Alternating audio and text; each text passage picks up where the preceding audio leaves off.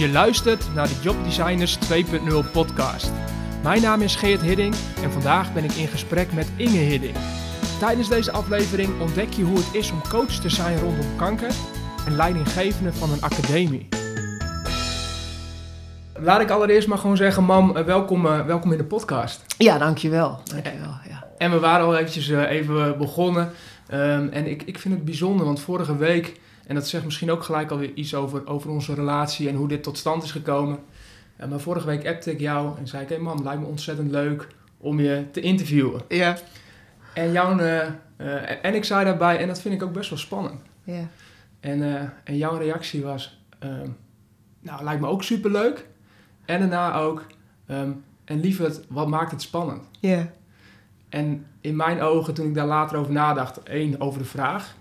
Um, maar ook over, dat zegt zoveel over jou en ook over ons, uh, dat je die vraag stelt. Mm. Dus dat je niet uh, gelijk zegt, nou, die hoeft niet, het hoeft niet spannend te zijn of uh, tips geeft, of, maar, maar dat je mij die vraag terugstelt en daarover na laat denken. Mm.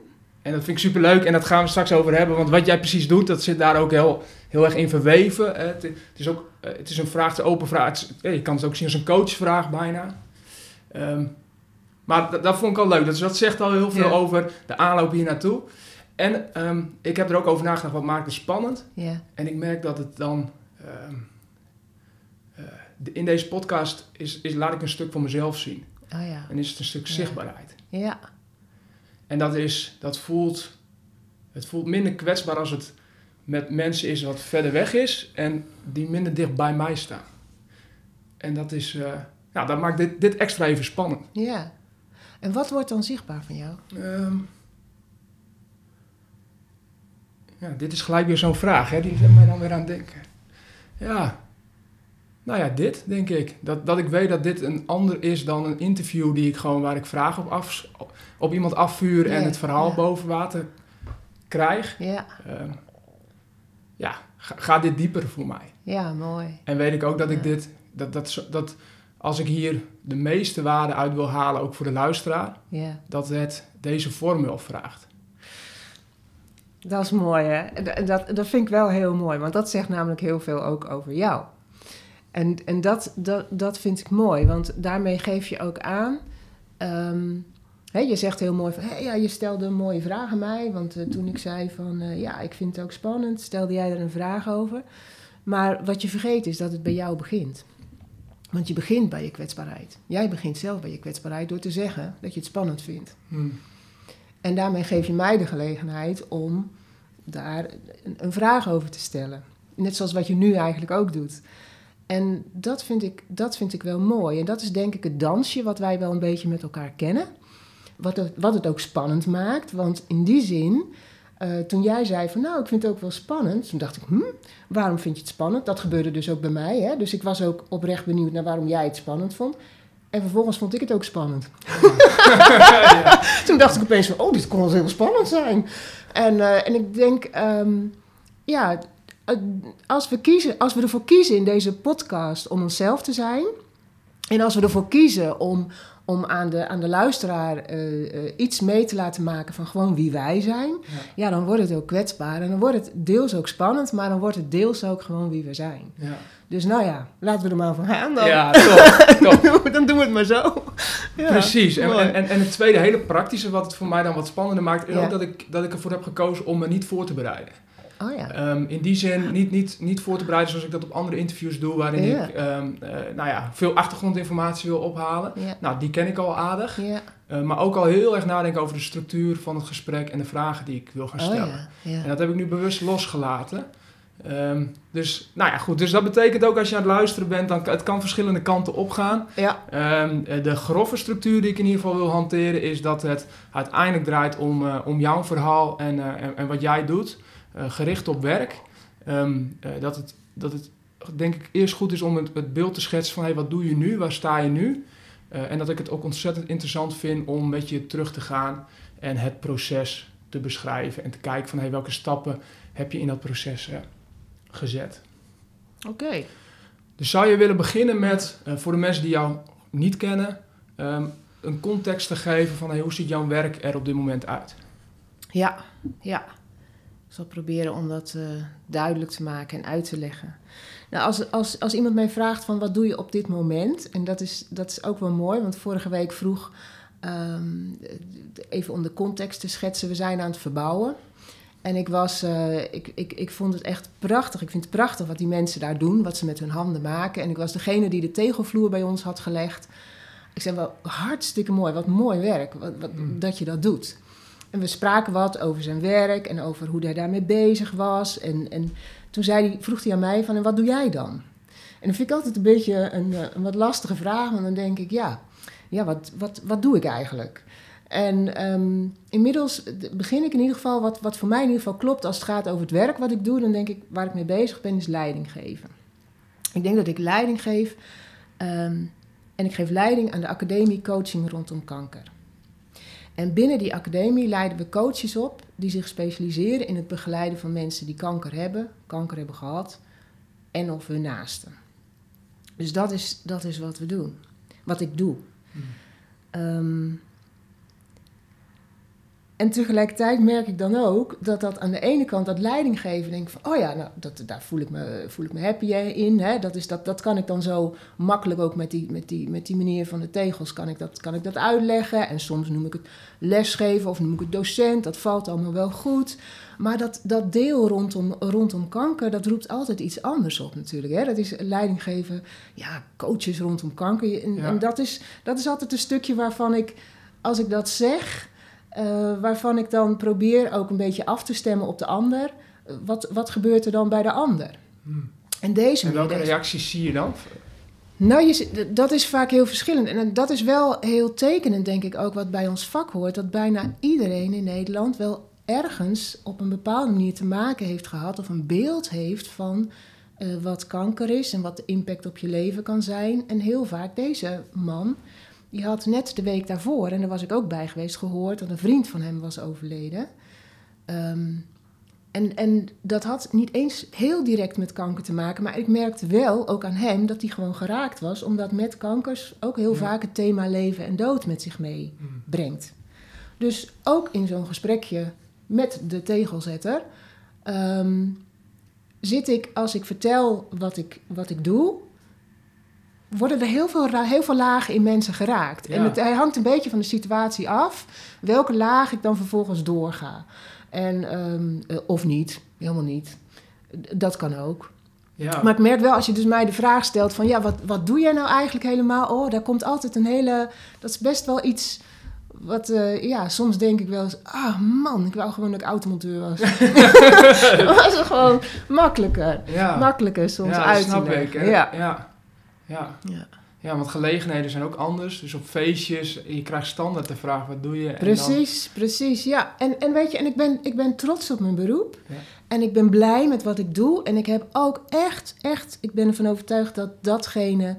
Um, wat ik met hart en ziel aan het doen ben, het leiding geven aan die academie, zodat we vanuit die academie meer mensen op kunnen leiden die, die echt hè, met, met, een, met een rechte rug en met een warm hart die twee elementen aan elkaar kunnen verbinden in de, in de begeleiding van mensen die, die te maken hebben met kanker. Het is echt, echt iets wat ik met hart en ziel doe. Maar het is iets wat altijd, uh, ja, wat, wat altijd verschillende lagen heeft. waarschijnlijk vragen op. En, en, en ja. het, het geeft misschien ook wel weer gelijk een kans om um, met mensen een gesprek aan te gaan of een verbinding te maken Klopt. Op niveau. Klopt, klopt.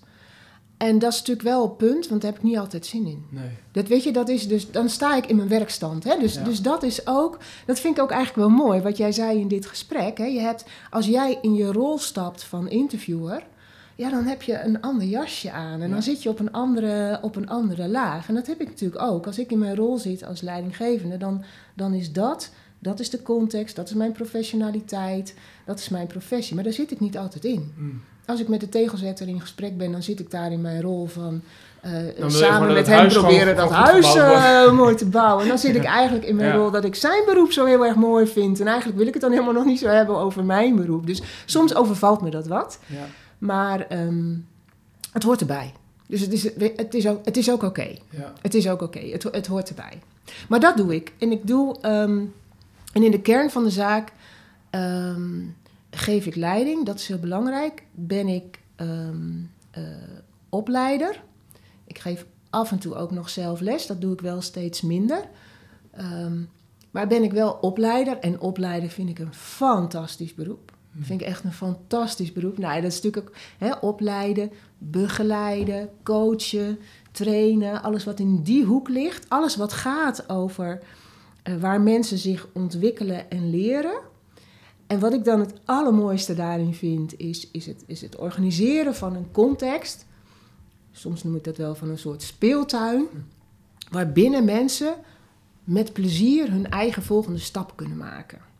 En of dat nou over docenten gaat, of dat dat over studenten gaat, of dat dat over met, met wat voor groepen ik eigenlijk ook te maken heb.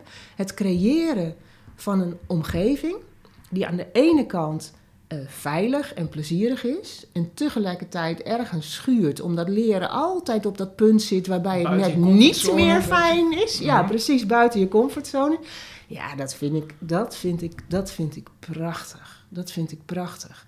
En als ik dat kan combineren met een heel betekenisvol thema, waarbij je kan zeggen van weet je, en hoe kun je nou iemand begeleiden uh, op een moment in zijn leven waarbij die echt een stukje hulp nodig heeft? Of daarom vraagt, hè, want daar gaat coaching natuurlijk over. Hè? Wie mm. kan je coachen? Ja, iedereen die gecoacht wil worden. Dat is natuurlijk heel kenmerkend ook voor mm. coaches, voor coaching. Uh, als, als ik het met die missie kan, kan verbinden, mensen iets kunnen leren wat van betekenis is, ja, dat vind ik prachtig. Dat vind ik mooi. Mooi. Mooi. En ja, dat, dat roept bij mij heel veel vragen op. En ik uh, kan me voorstellen dat als je aan het luisteren bent, dat je dan ook van veel verschillende vragen op, uh, omhoog komen. En één daarvan is, is um, uh, als je gewoon kijkt naar de praktische kant, want je, je schetst leiding geven mm. en je schetst um, opleiden. Kun je, kun je wat voorbeelden geven? Hoe ziet dat in de praktijk eruit? Ja, en dan neem ik je even mee een aantal stappen terug. Um, en dat, dat kan ook wel helpend zijn, denk ik. Dat is een mooie vraag. Um, ik neem je even mee een heel stuk terug. Ja. Toen ik uh, uh, op, de, op de basisschool zat, de lagere school heette mm. dat vroeger. Um, toen, als, voor mij als, als, als meisje waren er, als het ging over beroepen, uh, drie opties. Het was juf worden, verpleegster worden of stewardess. Maar voor stewardess moest je heel goed kunnen leren en heel mooi zijn. Dus dat viel voor mij in de context van mijn zelfbeeld, viel dat af. Mhm. Dus het was uh, juf of verpleegster. En ik kon niet kiezen. En als je kijkt naar wat ik nu doe, heb ik in wezen ook nooit echt gekozen. Heb ik nog steeds de kant van de, van de gezondheidszorg en heb ik nog steeds de kant van het docent oh zijn. Dus dat vind ik heel grappig. Hè? Ik denk van, oh ja, dus, dus, dus mijn, mijn, mijn beeld van toen was, dat, dat, dat, dat leef ik eigenlijk nog steeds. Um, wat uh, belangrijk was, was dat ik dacht van, ik moet daar wel in kiezen. Want ja, ik moest een vervolgopleiding kiezen. En ik koos ervoor om verpleegster te worden. Maar ik was te jong om in het ziekenhuis te, uh, opgeleid te worden. En toen uh, ben ik de mbo-opleiding voor verpleegkundigen gaan doen.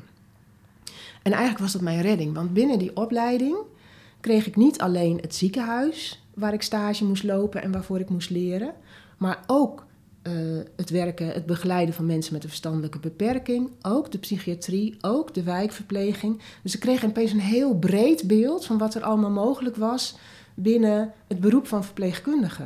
Ja, wat je eigenlijk daarvoor niet had, dat, dat wist je niet. Van Geen idee. Ik had een heel beperkt beeld. Ik dacht, verpleegster is in het ziekenhuis. Ja. En ik ontdekte al heel snel dat ik best uh, helemaal niet zo geschikt was voor verpleegster in het ziekenhuis. De, de cultuur. Want wat, was, wat, wat, wat, wat maakte dat ja, uh, niet geschikt? Er waren twee dingen. Het, het, was best heel technisch, vond ik. En um, heel medisch technisch, hè? dat. En ik merkte dat ik dat nou helemaal niet het allerleukste vond. En ik vond de cultuur heel hiërarchisch. En ik ontdekte dat er ook andere culturen zijn waarin je kon werken. En voor mij ging er een wereld open toen ik in de psychiatrie en in de zorg voor mensen met een verstandelijke beperking ontdekte dat er ook vormen van begeleiden waren. Mm. En vanaf dat moment eigenlijk heeft veel meer communicatie als centraal thema bij mij uh, in het vaandel gestaan dan uh, verpleging, verzorging. Dus dat was, dat was echt een heel belangrijke ontdekking die ik toen deed. Um, en, en verder in mijn, in mijn loopbaan um, na mijn opleiding tot verpleegkundige dacht ik, oh ja, ik wil verder in die begeleidende kant. Dus ik ben toen de HBO-opleiding gaan doen voor maatschappelijk werk. Ehm, dat heb ik, ik geloof, eh, drie maanden gedaan. en, toen, en, toen, dacht ik, nou, dit is het echt niet. Ehm, en dat was, wel, dat was ook goed om te ontdekken. En wat ik daarin ontdekte, was dat ik dacht... ja, dan zit ik daar in mijn eentje in een kamertje met iemand te praten... Maar dat vind ik echt helemaal niks. Ik wil samenwerken met andere mensen om me heen. Dus juist het gevoel van werken in een team, hmm. dat, dat, dat miste ik daar. Dus uh, ik ben gaan solliciteren. En toen ben ik terechtgekomen in uh, Sint Maheert, wat tegenwoordig uh, de Zeilen heet. En dan praat ik wel over meer dan 30 jaar geleden. En dat was, dat was wel bijzonder, want dat was een, een instelling, was een nieuwe instelling. Die was ontstaan vanuit mensen voor de zorg met mensen met een verstandelijke beperking.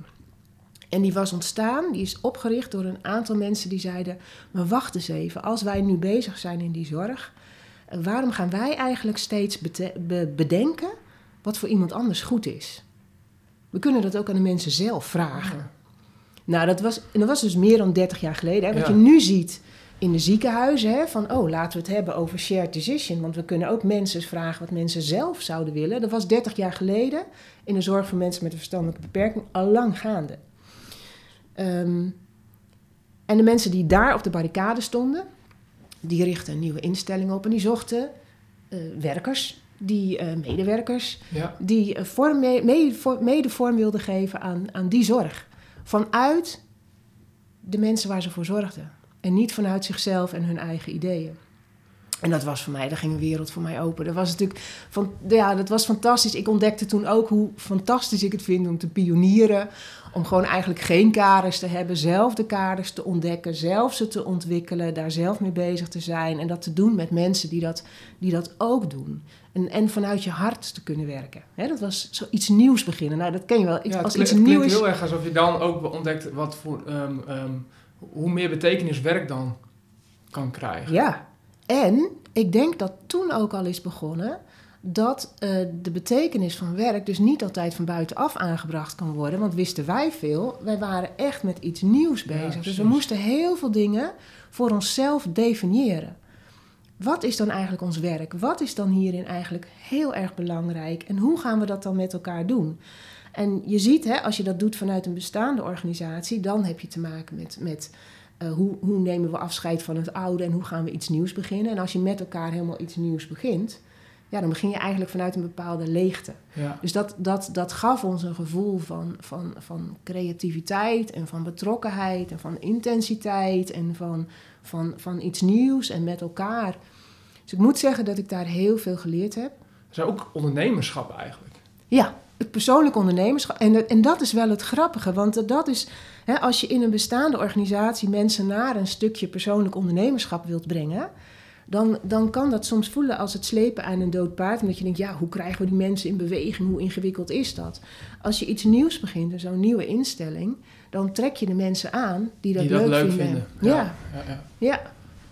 En dat zie ik ook, dat heb ik ook gezien bij, bij onze eigen organisatie, bij coaching rondom kanker, dat we daarin ook juist mensen aantrekken. En als ik kijk naar mijn docenten ook, dan denk ik dat zijn mensen, en dat roep ik ook altijd als iemand bij ons zegt van, joh, uh, um, kan ik bij jullie komen werken, hè? Of, of, of, of daar interesse in heeft. Um, wij zijn, wij zijn niet in beton gegoten. Wij zijn, hmm. wij zijn op zoek naar mensen die wat dat betreft hun eigen uh, ontwikkeling ook, ook zelfsturend vorm kunnen geven. En die daar ook lol in hebben. En op die manier verzamel je natuurlijk wel een groep mensen die daar uh, goed in is. Ja. Dat heeft voor- en nadelen. ja, precies. Want wat, zijn de, wat, zijn de, wat, wat, merk je daarin? Wat zijn de voor- en nadelen? Nou ja, de kracht is natuurlijk dat je mensen hebt die creatief en zelfstandig uh, onderweg kunnen zijn. En die een eigen visie hebben en die daarvoor gaan en die daarvoor gemotiveerd zijn. Maar als je daar niet de juiste kaders bij hebt, dan heb je wel een heleboel kikkers in de kruiwagen die alle kanten uitvliegen. Ja, dus dan, mis je mogelijk een stuk structuur en een, je mist structuur, ja, duidelijkheid. Precies, en als je het niet gaat verankeren, dan mis je ook een stuk duurzaamheid. Hmm. Dus het is mooi, hè, iets innoveren en iets nieuws beginnen, maar daar moet het niet mee eindigen, denk ik. Dus we zitten nu heel erg ook als organisatie ook in de fase waarin we zeggen, vanuit onze innovatiefase eh, hoe gaan we dit ook duurzaam doorontwikkelen. En daar heb je mogelijk een ander, andere talenten voor nodig, maar ook andere mensen voor nodig. Zeker. En ander leiderschap en Ja. andere ja, vormen van leiderschap. Hoe, je, hoe doe je dat dan? Ja, zeker. En wat ik wel ben, want, want eh, eh, ehm, hoe zie jij dat? Als je, want wat je nu schetst is eigenlijk heel erg jobdesign, hè? Dat is, dat is, dat is, dat is, dat is je eigen werk creëren. Ehm, en je zegt ook dat hoort ook wel bij een bepaalde groep mensen. Hm. Ehm, dat stuk ondernemerschap. Mhm. Ehm, ehm, maar kan iedereen het ook leren?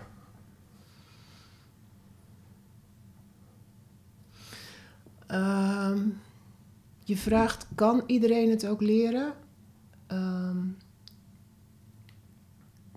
De, misschien begint het wel bij de vraag of je het wilt leren.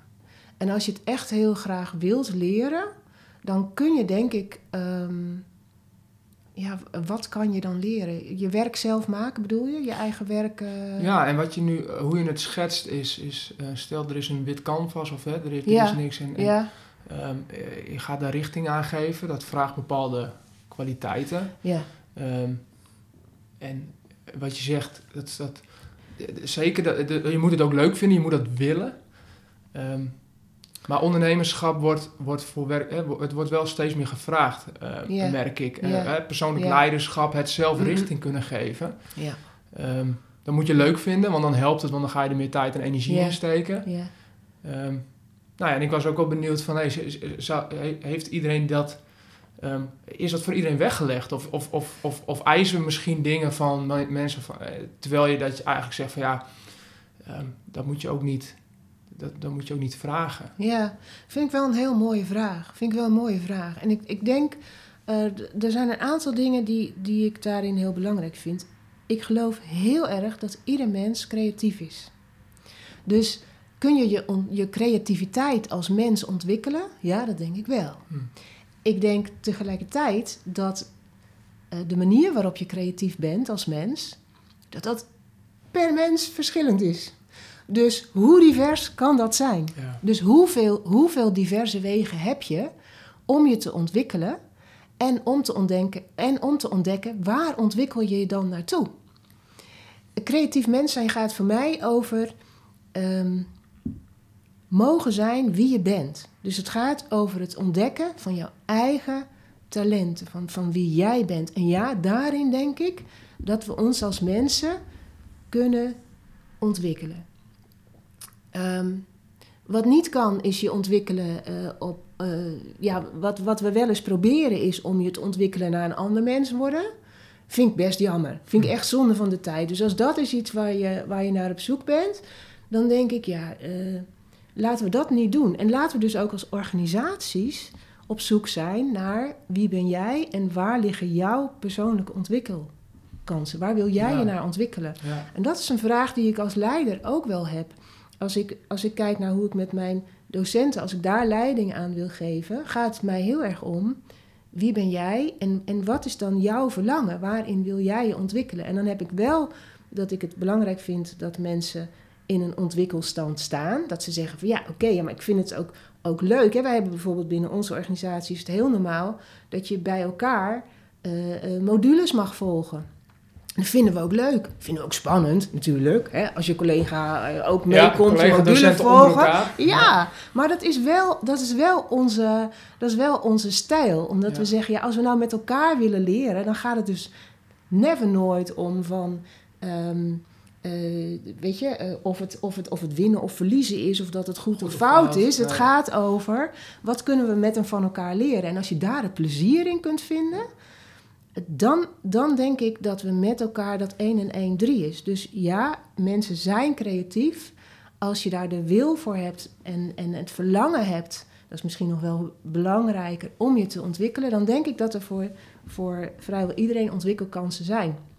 Welke kant het uitgaat, ja, dat kan denk ik heel divers zijn. Mm, Ja. En dan is het ook de kunst soms om te ontdekken van wat is dan jouw volgende stap. En dat hoort denk ik wel bij jobdesign. Dat je ehm, aan de ene kant hè, zie je mensen soms heel verre stippen op de horizon zetten. En dat is natuurlijk prachtig. Maar ik heb jou ook wel horen zeggen, en dat vind ik ook wel mooi, van mij, waar ben je dan nu en wat is dan jouw volgende stap? ja. Ja, en, en dat vind ik wel, dat vind ik ook als coach wel mooi hoor. Om, Mm. om samen met de ander te onderzoeken. Wat is nou je volgende stap? Ja, want we zijn, je, kan snel geneigd zijn om het heel groot te maken Ja. en heel ver te leggen. Ja. En, nou ja, dat, dat, dat, dat heeft zeker, dat kan heel erg motiveren. Ja. Dat kan, hè, zo'n droomstand kan heel Ja. mooi zijn. Ja, Maar het heel praktisch en klein maken, dat, dat is ook wat ik terugzie bij, bij, bij ondernemers zijn daar heel goed in om, om aan de ene kant het groot te zien, maar aan de andere kant ook gewoon het heel klein te maken en gewoon te kijken, oké, wat kan ik vandaag, waar kan ik vandaag mee beginnen? Welk stapje kan ik vandaag zetten? ja. Ja, en dat is, dat, is, dat is weer een kunst apart. Precies, en als coach betekent het dat je, hè, als iemand heel goed is in, het, in de stip op de horizon ver wegzetten, dat je, dat je weet dat de best, meeste winst te behalen is in de kleine stapjes. Ja. Ik kan soms ook wel eens geneigd zijn om wat kleiner te denken en te blijven hangen Ja. bij de kleine stapjes vooraan. in de Dus, dagelijkse, Precies. dagelijkse dingen. dus voor mij is die stip op de horizon soms Ja. ook wel weer, weer belangrijk. En daar kan je dan elkaar wel wat, eh, wel wat in helpen. Ja. ja, mooi. Ja, mooi. En dus ontwikkeling, dat zit, dat, zit er, dat zit er ook als een rode draad. En leren zit ook als een rode draad door, jouw, door jouw loopbaan heen. Klopt. En wat je schetste is, je nam ons even mee in een stukje naar eh Sint-Meheert, slash eh, de zeilen. Ja. Ehm, eh, en, en daar begon het voor jou Ja, klopt. te, te lopen. daar begon het eigenlijk te lopen. Daar begon mijn plezier te lopen in, in, in communicatie. En wat, ik, wat voor mij de basis van mijn werk is geweest... Dat de basis van mijn werk heb ik denk ik geleerd van de kinderen waar ik toen mee werkte. De kinderen met, met, hè, eh, ehm, met, met een verstandelijke beperking... met soms ook een lichamelijke beperking... ehm, waarvan het mijn opdracht was om voor hun te zorgen. En voor hun zorgen betekent in de allerlei, allereerste plaats eerst contact met ze maken. Want hoe kon ik anders voor ze zorgen? Want ik Mm. moest toch ontdekken wat hun verlangen en hun behoeften waren. En contact maken met, met deze kinderen betekende dat ik met mijn vlotte babbel helemaal nergens kwam. Dus dat betekent dat ik het moest doen met mijn hart en met mijn handen. En daarna pas met mijn woorden, zeg maar. Oh ja. En ehm, dat is nog altijd eigenlijk waarvan ik denk dat is de basis. Als het gaat over mijn, mijn, de coachopleiding die wij als academie vormgeven, dan is dit eigenlijk ook de basis, basisboodschap die we mee willen geven. Weet je, het start met je, het start met je hart. En ehm, daarna komt de rest. En, en dat, is, eh, dat klinkt misschien, eh, is misschien als makkelijk gezegd, maar dat is zo kernachtig. Mm. En dat heb ik, dat heb ik geleerd van deze kinderen. Dus dat vind ik ook, dat vind ik ook mooi. Dat, de- En, en hoe, hoe doe je dat? Wat zijn, hoe, hoe, hoe maak je dat contact met je hart? dat, dat is wel mooi, want dan, hè, dan, dan vraag je een beetje naar het concreet. Hoe ziet dat er dan uit? Ja. En ehm, wat er, hoe dat eruit zag in de, in de zorg voor, voor deze kinderen was dat ik ehm, mijn aandacht bij hun moest hebben eerst. En niet bij mezelf. Dus ik kon wel heel druk bezig zijn met dat ik ze in 10 minuten gewassen moest hebben. En eh, dat kreeg ik dan misschien wel voor elkaar, maar dan was het niet vanuit het contact met dit kind. Dus het was belangrijk om mijn aandacht eerst los te maken van mezelf en vervolgens te hebben bij dit kind. En Dat betekent dat je gaat kijken, gaat observeren van hey, wat, wat zie ik bij de ander? Wat ja, voor stemming zit iemand misschien? ja, Hoe, hoe communiceert iemand? ja, precies. Dus dat is kijken en dat is voelen. En dat is soms, hè, bij deze kinderen had het ook soms te maken met aan, aanraken en uitproberen. Hoe reageert de ander? Dus dat, is, dat heeft alles te maken met aandacht. En het heeft te maken met het onderscheid kunnen maken. eh, wat heeft de ander mij te vertellen? Of ben ik nu aan het projecteren wat ik eigenlijk, wat, Oh ja. eh, wat er in mezelf allemaal is? Eh, vind ik dat dit een lastig kind is, omdat ik eigenlijk van binnen enorm veel onrust heb en eh, met allerlei andere dingen bezig ben. En dan vervolgens dat weer plak op, op dat kind wat nu net neven niet weer mee wil werken. Kun je donder op zeggen, hè? Zo werkt dat, Ja. hè? Ja. En zo werkte dat bij deze kinderen juist misschien wel in, in extreme mate. Dus ik heb een, een, een prachtige leerschool gehad, juist van hun, in het mijn aandacht hebben bij de ander. En in het heel precies leren kijken. En dat was ook waarin ik leerde hoe ik bijvoorbeeld ook video kon gebruiken. Hoe je soms heel precies kon kijken naar die hele kleine signalen die kinderen soms gaven, omdat ze niet eh, spreken tot hun eh, beschikking hadden, maar wel altijd signalen gaven. Echt Ja. waar, daar heb ik zulke mooie lessen in geleerd. En het is prachtig om dan te zien hoe kinderen van de buitenkant misschien spastisch zijn en kwijlend. En, en hè, dat je denkt van ja, wat, wat, wat, wat gaat er in dit kind om? Dat je ze kunt leren kennen en dan ontdekt dat, dat, dat, dat elk kind een eigen karakter heeft. Zolang jij maar bereid bent om dat ook, ook te zien en te ontdekken. Ja, wow. Dus dat is, uh, ja, dat is, uh, dat is de, Cool. de beste leerschool geweest Ja. die ik uh, heb kunnen krijgen voor het vak wat ik nu uitoefen. Wauw. En een pittige leerschool ook. Want dat, dat, dat, ja, dat, dat vraagt, het vraagt wel echt bewustzijn. Ja. En een bewuste keuze maken, denk ik. Ja. Elke dag. Om, om, de, om het niet bij jezelf te houden, maar open te staan voor de ander. Nou, dat klopt. En dat is in wezen natuurlijk gewoon ons vak. Want ik denk dat coaching niks anders is dan in wezen... Het heeft in ieder geval hetzelfde uitgangspunt. Hm. Met je aandacht bij de ander kunnen zijn. Kunnen zijn waar de ander is. En dat, dat is best pittig, kan dat zijn, inderdaad. Omdat de ander niet altijd op een plek is waar jij wilt zijn. Of waar je... Hè, en en, en als, je, als het nu gaat over mensen die, die, die wij begeleiden... die soms heel intens geraakt zijn door, door wat er in hun leven gebeurt... ehm, dan is het een hele kunst soms om de ander nabij te zijn... juist op die plek waar de ander is. ja. Ja. Ja, dat is zo. En om dan tegelijkertijd je te kunnen laten raken, maar je daar niet door mee te laten slepen. Hm, Nee, want dat is de andere kant van het verhaal, inderdaad. Dus als je te, ja, als je heel erg in meegaat, en dan zuigt het je ook leeg qua energie. En dan, Ja. En dan weet je zeker dat je met je aandacht niet helemaal oké Nee. hebt gezeten. Nee. Nee, nee, dat klopt. Ja. En dat is, maar dat is wel, en dat is wat ik wel eh, mooi vind ook. Wat, ehm, eh, wat ook door het schrijven. Ik heb op een gegeven moment een boek geschreven over coaching. Hè. Dat gaat ook heel erg over deze dingen. Eh, wat ik ook door het schrijven van het boek ook heb ontdekt. Ik dacht eerst, ja, zal ik het wel coaching noemen? Hè? Het is, eh, coachen is niet altijd meer. de mensen vinden het soft of iedereen kan coachen. een Of, hè, het is echt een ontzettend containerbegrip geworden. Ehm, en toch heb ik het coachen genoemd, omdat ik gewoon helemaal weer verliefd werd op mijn vak. Ja. Ik dacht, ja, maar dit is eigenlijk zo mooi. Als je ziet dat coachen is ontstaan uit echt zo'n diversiteit van, van, van disciplines. Als er in het coachen, om die aandacht te kunnen hebben en om met de ander onderweg te kunnen zijn, heb je niet genoeg aan een, aan een gesprekstechniekje. Daar gaat het eigenlijk helemaal niet om. Hoe ga, hoe ga je met je aandacht om? Dus het gaat vanuit de psychologie, maar het gaat ook vanuit de, de, de, de, de manier waarop je in je lijf zit. Het gaat ook vanuit de theologie. Het gaat ook vanuit de kunst. Dus het is een hele mooie mix Ja. die je als coach eigenlijk in je rugzak meeneemt. Juist die diversiteit en die verschillende wegen. Zoals ik ook vertelde, bij de kinderen met een verstandelijke beperking had ik niet genoeg aan mijn woorden. Er zijn heel veel meer talen om met een ander mens in gesprek te zijn. En binnen de coaching vind ik het mooie van coaching, een van de mooie dingen van coaching, vind ik dat je al die talen ook mee kunt nemen in je, in je gesprek met de ander. Ja. Dus je kunt ook tekenen gebruiken, je kunt ook eh, eh, lichamelijke werkvormen gebruiken, je kunt. eh, Er zijn ontelbaar veel verschillende methoden en eh, exact. manieren om te coachen. Waarbij het heel erg belangrijk is, in mijn beleving, dat het dus nooit de manier is waar het om gaat, maar altijd de aandacht Ja. waarmee je het doet. Dus coaching is niet het doel op zich, maar het is... Het is Wel nee. Het is eigenlijk jammer dat er. ehm, kijk, de beste eh, boeken die verkocht worden rondom coaching zijn altijd de boeken rondom methodes. oh ja. En dat is best jammer.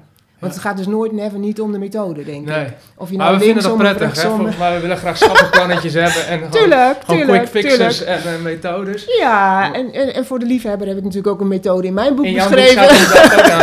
Ja, want daar gaan we, daar, daar wil ik, daar- Ehm, dat, dat, is- dat vind ik heel interessant. Dus daar ga, de, de, ehm, als je ons Ja. verder mee wil nemen in de stappen die je maakt, Ja. dan komen we ook bij je boek eh, Ja. uit. En dan, eh, ehm, want wat je nu net ook schetst, en ik denk ook heel, ehm, heel mooi hoe je dat zegt, is je, eh, je neemt heel veel mee als je coacht. En je hebt heel veel in je rugzak. Ja. En ehm, eh, ook, ook levenservaring en Ja. dingen die je overkomen Ja, ja, neem, neem je ook daarin mee in je rugzak. Ehm, dus we komen eh, eh, steeds dichterbij ehm, hoe, hoe, eh, eh, ja, waar je nu staat. Ehm, en je liet net eentje vallen. eh, en dat is volgens mij ook een mooie volgende stap geweest. in jouw loopbaan is, is, is video, hè? Dat Ja, zei dat al klopt. even. Van, Ja. Je gebruikt video ook om Ja. te kijken. En dat, en dat gaat om video home training. Ja, Zou, zou je daar wat over willen vertellen? Ja, ja, dat is mooi. Ik moest daar wel aan terugdenken. Maar als het gaat over jobdesign, was dat mijn eerste moment eigenlijk van het jobdesign als, als ondernemer. Oh ja. Ik, eh, ik, ik werkte eh, eh, in die, hè, in, in, bij, bij Sint Maheert. En het, het, het mooie daarvan was een platte structuur. En het nare daarvan was dat ik dus eigenlijk mijn ei op een gegeven moment niet meer goed kwijt kon. En behoefte had aan, aan mezelf doorontwikkelen. Maar hoe dan? Want binnen de instelling kon ik dat eigenlijk niet doen. Hm. En toen zat ik precies in de periode waarin video home training, dat betekent het gebruik maken van videobeelden om de communicatie tussen ouders en kinderen te verbeteren, dat was net in opkomst. En ehm, ik ben die opleiding gaan doen en heb eh, daar enorm van geleerd. Ik heb eh, honderden video's gemaakt van gesprekken die ik moest voeren met mensen. Eh, en die moest hij allemaal weer nakijken en kreeg daar allemaal feedback op. Het was een bijzonder leerzame periode. Voor jezelf ook, voor je eigen ontwikkeling. Ja, dat je dan gewoon continu terugkreeg. oh, Ja, video is keihard wat dat betreft. eh, Tussen aanhalingstekens. Want eh, ja, dit, het is gewoon objectief. Dit is wat er gebeurt. Exact, Ja. exact. Dus dat is mooi. En het bijzondere was dat ik toen eigenlijk bij de start zat van de ontwikkeling, waarbij mensen zeiden van, hè, het is keihard, zeg je ook. Van ja, je kunt dus kijken naar alles wat misgaat. Nou, dat, dat doet bijna iedereen in eerste Hmm. instantie als je je eigen filmpje terugkijkt. Maar waar het om gaat is, binnen video home training, is van wat zijn nou de geslaagde contactmomenten? Oh ja. Wat gaat er eigenlijk goed? Nou, dat was een, een, een, een, een ontwikkeling in de, in, de, in, de, in de vorm van begeleiding, dat we gingen kijken naar het positieve. Nou, hoe lang, hoe lang eh, prachtig. geleden is dat? Hoe, eh, welke welke Ja, periode? dat zou wel jaren 25 geleden Ja. zijn dan. Ja, dus dat- dat eigenlijk wat je nu heel ziet, wat, wat hè, dat talentgericht en, en kijken wat, wat gaat er goed.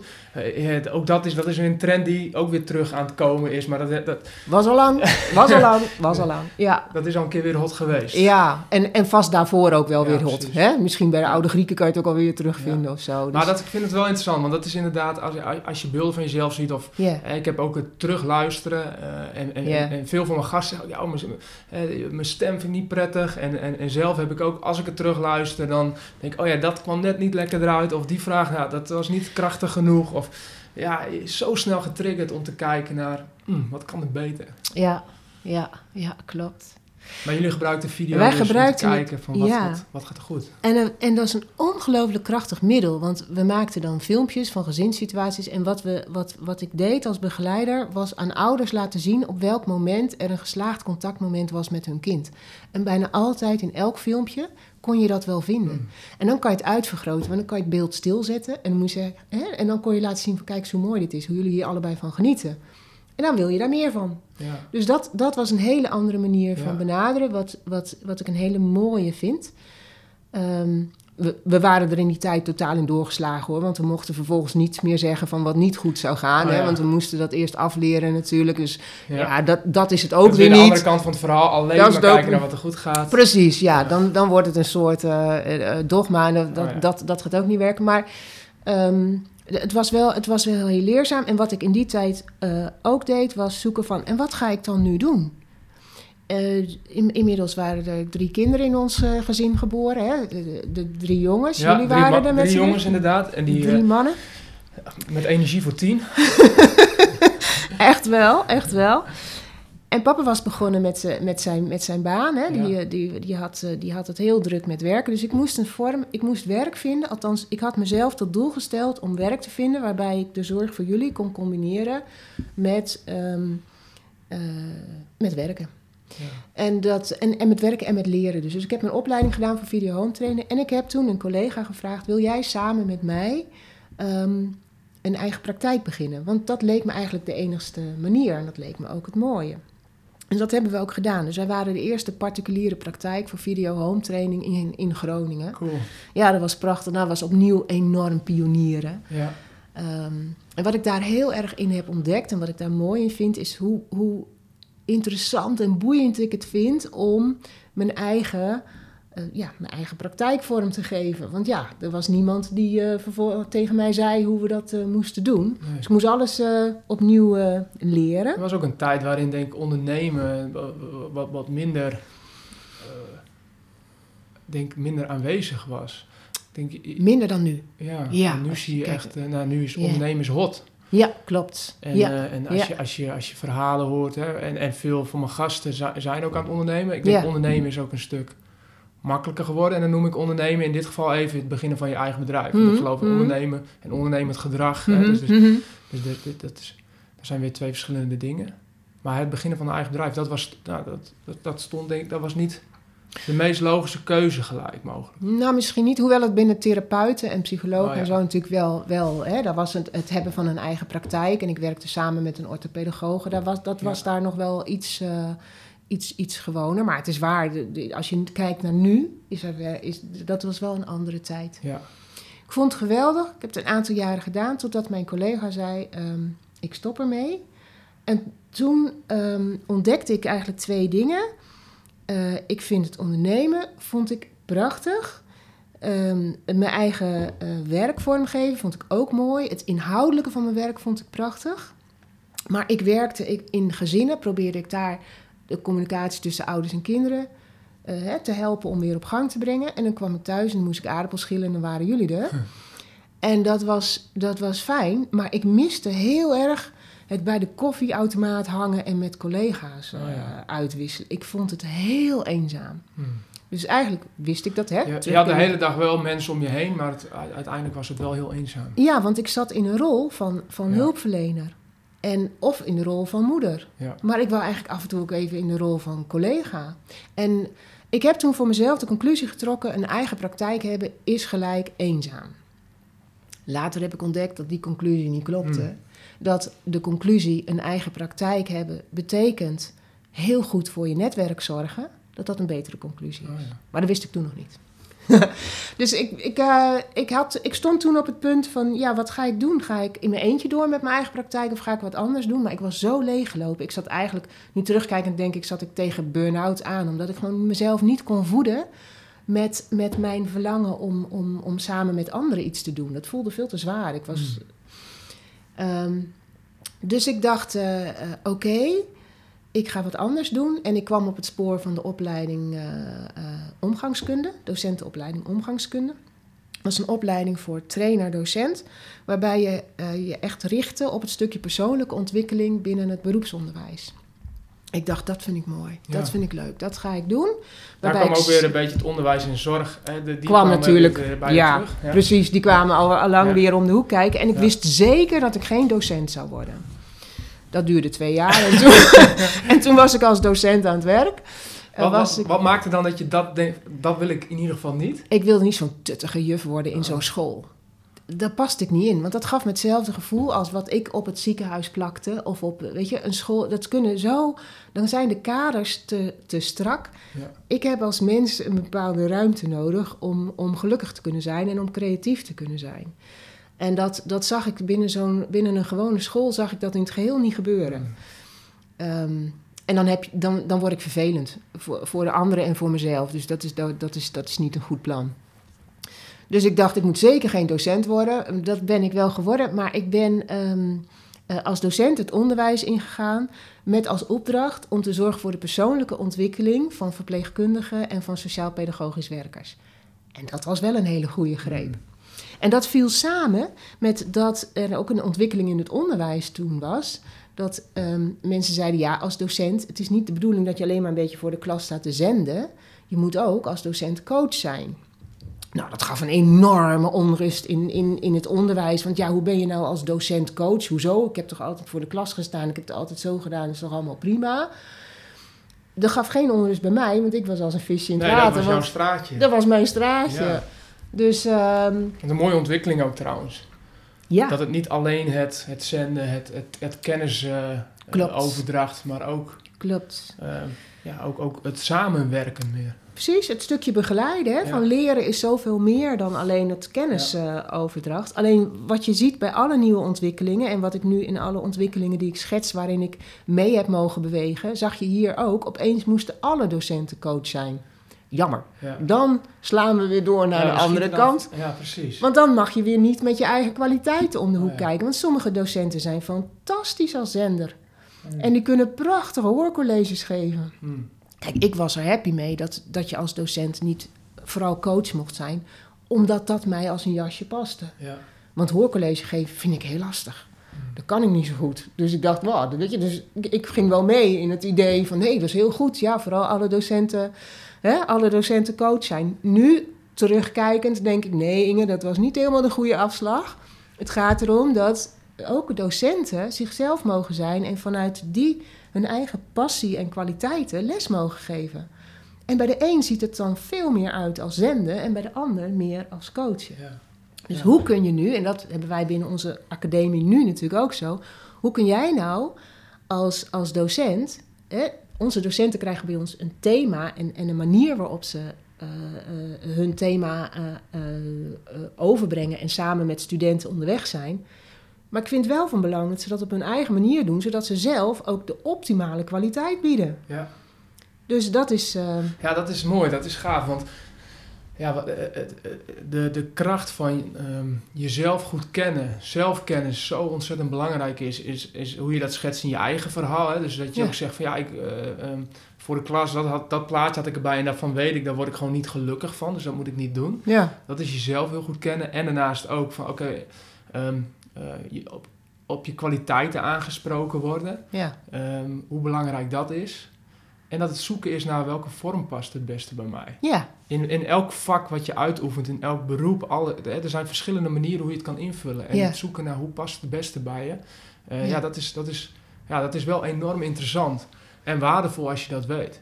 klopt. Want ik heb dat, eh, als, als, ik, als ik kijk naar mezelf, dan is, dan is zo'n podcast als dit is voor mij een mooi middel om, Ja, ehm, om, om ook kennis te kunnen delen. ja, Ehm, zonder dat ik alleen maar aan het zenden ben of, eh, eh, of misschien eh, het, het, het alleen met video doe. Dit, dit is een Ja. vorm die heel erg bij me past, heb ik gemerkt. En als je dat vindt, ja, dan, dan, dan werkt het ook. Want dan kost het je minder energie. Dan gaat het, je, dan gaat het, dan gaat het meer vanzelf. klopt. En het is geloofwaardiger. Hm. Omdat je vanuit je authenticiteit je verhaal vertelt. En dan is de vorm is alleen een middel. Ja. En dan wil ik graag dat, dat bij ons in de opleiding docenten die vormen kiezen waarbij ze zelf het meest krachtig zijn. Hm. En daarbij zoeken we ook heel bewust naar diversiteit. Dus als je bij ons kijkt naar ons docententeam, nou, ik moet er zelf soms verschrikkelijk om lachen hoe verschillend we zijn. Ja. Maar ik kies daar ook bewust voor, omdat ik denk, studenten ervaren dus ook heel veel verschillende manieren van lesgeven, van leren en van ontwikkelen.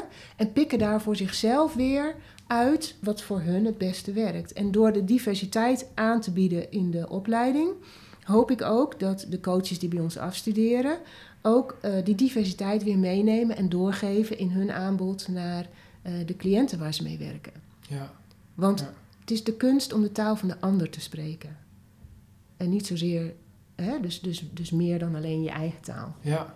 Wat soms ook kan betekenen dat de ene coach, dat, dat, dat, dat je zoekt naar de juiste klik tussen Ja. degene die Ja, gecoacht moet worden en degene Klopt. die coacht. klopt. Ja. Dus wij hebben ook wel eens dat hè, studenten kunnen bij ons eh, vaak kiezen door wie ze begeleid worden. Ehm, en we wisselen ook wel eens. Als het niet werkt, dan werkt het niet. Prima, dan betekent het dat je als, als, eh, als docent jezelf de vraag kan stellen van...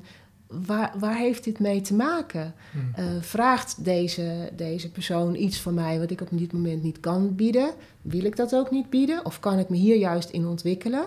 En ik denk wel dat je altijd, hè, je komt altijd een, een ontwikkelingsvraag tegen. Hè, het is altijd van, eh, op het moment dat iets niet werkt, ja, dat is wel zo'n soort ontwikkelingsvraag. Eh, Pak ik die vraag nou op? Ga ik ermee aan de slag? Of denk ik, nou, misschien volgend jaar? Of, Het is op zijn minst interessant. Het is wat altijd je er interessant. mee doet, dat eh, Ja, daar kun je ook precies. verschillende kanten mee opgaan. Ja, dat klopt zeker. Ja. En als je dan voor de tiende keer dezelfde vraag krijgt, omdat, en dat merk ik inmiddels ook. Hè. Ja, ja, er zijn gewoon bepaalde delen die gewoon, ja, die gewoon lastig blijven. Waarvan je denkt, nou, daar is die weer. Ja. Dezelfde valkuil. Hmm. Ja, nou ja, en dan maar met mildheid weer naar jezelf glimlachen en jezelf niet al te serieus nemen. Hmm. Is ook een manier van, eh, van leren en ontwikkelen, denk ik. Ja. Ja. Waarmee je ook, hè, ik denk ook dat de mate van mildheid waarmee je naar jezelf kunt kijken, eh, ook belangrijk is omdat je die mate van mildheid ook meeneemt in hoe je naar je cliënten kan kijken. Ah, ja. En naar hun leerprocessen en hun worstelingen, die ook voor de tiende keer in dezelfde valkuil zitten. En ja, dat gebeurt. Ja. Hè, dat, eh, ja, ja, dus het is een stuk practice what you preach. Ja, Het helemaal. is heel erg, je, je neemt jezelf in het werk als coach en, en gewoon in je werk als opleider. En alles wat je doet neem je jezelf enorm mee. Dus het is soms confronterend. En soms, en, en, eh, maar ook ontzettend leuk, omdat dat, is, dat, dat, dat maakt ook gelijk dat, je, eh, dat, dat, dat, dat jij een betekenis voelt in, in het werk. Precies. En als je daar ontspannen in kunt zitten, Ja. hè, omdat leren mag en omdat leren eenmaal bij het leven hoort en omdat perfectie niet bestaat. Nou ja, als je met elkaar imperfect kunt zijn, kun je het heel goed hebben samen. Ja. Dus dat is, dat is wel eh, dat is, dat is een belangrijk iets. En ik denk ook als coach ook, weet je, de, de, de boodschap die je geeft, eh, die zit, nou ik geloof voor 5% in je woorden of zo. En voor de Mhm. rest in wat je uitstraalt en hoe Ja. je erbij zit. Dus ja, dan kan je natuurlijk met z'n allen wel je ontzettend richten op je gesprekstechnieken. Maar persoonlijk denk ik dat het effectiever is om je te richten op wie je bent en, en hoe, je daar, hoe je daar zit Ja. als mens tot mens. Op dat niveau. Dus daar, ja, dat is. Dat is Maar bij de kunst ook is dat je je kunt verplaatsen in de ander. Ja en nee, want de kunst is dat je met je aandacht bij de ander kunt zijn, denk ik. En je verplaatsen in de ander is eigenlijk van mens tot mens maar zo beperkt mogelijk. Weet je, dat is natuurlijk wel wat, wat, we, wat we met elkaar wel oefenen. Maar ik denk dat het belangrijker nog is om goed te kunnen luisteren naar waar de ander zit. En dan, weet je wat eigenlijk bijzonder is? Je hoeft dat helemaal niet te begrijpen. Soms begrijp ik er helemaal niks van. Soms begrijp ik, hè, ik bedoel, de, de verschillen tussen mensen zijn soms zo enorm groot. Ja. En dat is een valkuil, dat je denkt dat je iets moet kunnen begrijpen. Ja. Maar ik denk dat, dat je soms verder komt met het kunnen respecteren. Ja. Als iemand anders zegt waar die is of wat er in hem of haar omgaat, dat je denkt, oké, dit is zo. Kan ik dat? Kan ik dat laten staan? Zonder dat ik denk dat dat moet veranderen of dat dat... eh, en kan ik dealen met wat dat met mezelf doet in oordelen. Ik geloof namelijk ook helemaal niet in... Als mensen zeggen van, oh, ik luister zonder oordeel. Dan denk ik, ja, de, dat bestaat helemaal niet. Je hebt altijd een oordeel en dat is prima. Daar hoef je ook niet van te schrikken. Je vindt iets gewoon wel of niet. Hè? Dat, dat doet iets met En je. je kan het misschien beter accepteren, zodat je er dan ook naar kunt kijken en Ja. dan vervolgens een nieuwe keuze in kunt maken. Ja, laat het oordeel dan maar boven komen Ja. en, en, en voelen. En als professional is het wel van belang dat je denkt: oké, dus dat is mijn mening. En kun je dan nog steeds hè, die mening toch opzij zetten en blijven luisteren en opnieuw weer je aandacht bij de ander hebben. Dus nou ja, kijk, ik denk, stop geen energie in het eh, oordeelloos zijn, want dan gaan we helemaal niet redden met z'n allen. Maar eh, eh, neem dat oordeel mee, kou er eens op. En misschien brengt iemand je eens op een andere gedachte. is een veel interessanter Mm. proces, vele malen interessanter. Cool. Ik, ik kwam op verplaatsen in de ander, ehm, omdat ik in jouw verhaal, je neemt jezelf heel erg mee, je neemt je eigen ervaringen mee. Ehm, en uiteindelijk betekent dat ook in het werk wat je doet, eh, coachen rondom kanker, ehm, dat zou je niet hebben gedaan, slash niet hebben kunnen doen, als je daar zelf niet ehm, ervaring mee hebt gehad en Ja. ook heb, eh, eh, nou ja, die ervaring hebt gehad. Nou ja, dat is maar zeer de vraag, want dat ben ik niet met je eens. Want ik Mm. denk dat ook als je niet zelf kanker hebt gehad, ook prima coach rondom kanker kunt Mm. worden. Maar je vraagt me ook even, en daar zal ik je ook even meenemen, van hoe het zo is gekomen dat ik deze route wel heb gekozen. Ja. Dat, eh, dat, dat is zo. Ehm, toen we verhuisden, 13 jaar geleden, naar, eh, naar Apeldoorn. Toen, de- papa kreeg een andere baan en die, had hier, eh, die ging nieuwe dingen doen. En ik dacht zo, ik ben eigenlijk ook wel klaar nu met het mbo-onderwijs. Voor mij ligt de wereld nu open. Wat gaat er op mijn pad komen? Dat heb ik twee jaar lang gezocht. En er kwamen allerlei dingen op mijn pad die ik verschrikkelijk vond. Echt heel verschrikkelijk. En ik heb, zo, ik heb zo lang gezocht. En als ik nu soms jobdesigners hoor over van ja, weet je, ik, ik weet het gewoon allemaal. Dan, dan, dan voel ik dat nog, hè, van, Ja. van hoe verschrikkelijk dat kan zijn. En dat was, was echt lastig, want, want papa zei, weet je, oké, financieel ehm, wil ik op dit moment kostwinnaar zijn. Dus pak de ruimte, zoek wat bij jou past en wat jij wilt. Nou, hoe, hoe fantastisch kun je het hebben, hè? Hmm. Kon niks vinden. Vond het verschrikkelijk. Ik had te En veel... wat deed je in die eh, veel experimenten? Gewoon dingen Experimenteren. Echt helemaal ex- solliciteren, experimenteren, vrijwilligerswerk, eh, docenten, eh, de- van alles en nog wat. Mhm. En ik voelde me overal eigenlijk eh, eh, ongelukkig in. En ik had, het, was, eh, hè, het was ook in de tijd dat er niet heel veel werk was. Dus het waren ook altijd maar hele korte baantjes. Of ik, was, eh, of ik, of ik had dacht op een gegeven moment, "Wa- dit is het toch ook echt niet. Ik moet hier gewoon weg. Totdat ik op een gegeven moment een baan zag. En dat was wel een, eh, een bijzondere baan. Ze vroegen een eh, docent in het HBO-onderwijs binnen de afdeling uh, theologie van de Hogeschool uh, Ede. Want daar zaten theologen en die zeiden met elkaar: Weet je, wij zouden wel eens wat extra's kunnen, kunnen willen we ontwikkelen op het gebied van sociaal. Iets sociaal. Hmm. En um, daar zochten ze een docent voor die, die didactiek zou geven en die studenten zou begeleiden, vooral op het sociale gebied, maar ook een sociale element mee zou willen nemen, ook in het team. Daar heb ik gesolliciteerd en toen dacht ik, nou, dit is echt, dit is gewoon mijn plek. Hier heb ik twee jaar lang naar gezocht en, en hier, dit is het, hè, ik snap het, dit was de aanloop, dit moet het zijn. En na drie maanden wist ik dat ik daar echt niet moest zijn. dat het niet mijn vak was. Nee. Want en waar merkte je dat uit? Nou, weet je, ik miste daar opnieuw. Kijk, je kunt niet in je eentje sociaal zitten zijn.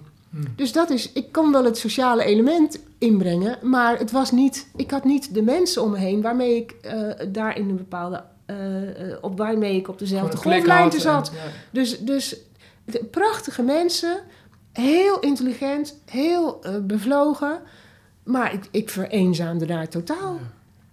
Dus dat was niet, was niet mijn plek, opnieuw niet. Maar toen dacht ik, wacht even Inge, je hebt nu twee jaar lang allerlei uh, baantjes, allerlei dingen gedaan. Je hebt hier een jaarcontract.